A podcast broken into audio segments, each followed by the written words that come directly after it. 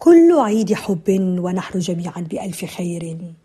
يعتبره البعض عيدا تجاريا محضا وقد يكون كذلك إلى حد كبير خصوصا في السنوات الأخيرة حيث أصبحت العديد من العلامات التجارية تجعل من الرابع عشر من فبراير فرصة للتسويق والبيع. حتى سعر الورود يعرف ارتفاعا صاروخيا في عيد الحب.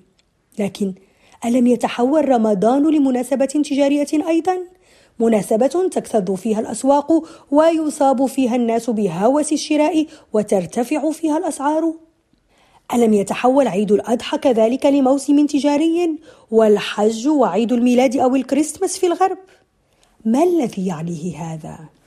بكل بساطة فنحن الذين تحولنا لمجتمعات استهلاك تحتفي بكل شيء عبر الشراء أصبحنا نجعل من كل المناسبات أعيادا تجارية لا تستقيم إلا بالشراء.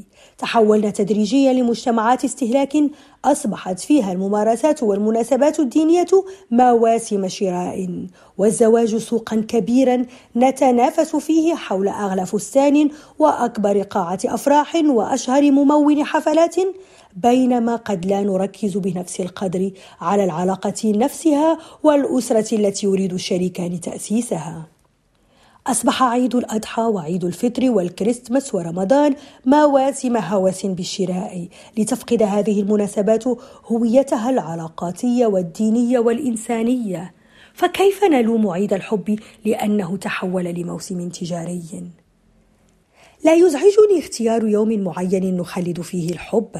قد نحب يوميا ونتذكر يوميا من نحب لكننا نحتفي بالحب أكثر يوم الرابع عشر من فبراير من كل سنة.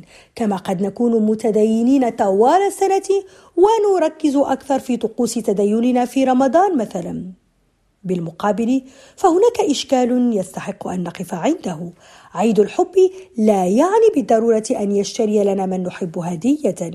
وهو بالتأكيد لا يعني أن الهدية واجب حصري على الرجال وحق حصري للنساء.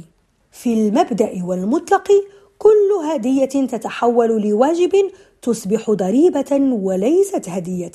ثم أيضا في عيد الحب أو عيد الزواج الهدية ليست واجبا ذكوريا حصريا.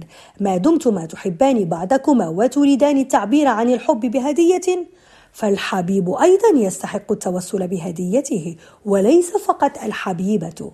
كل عام والحب قدركم وقدركن.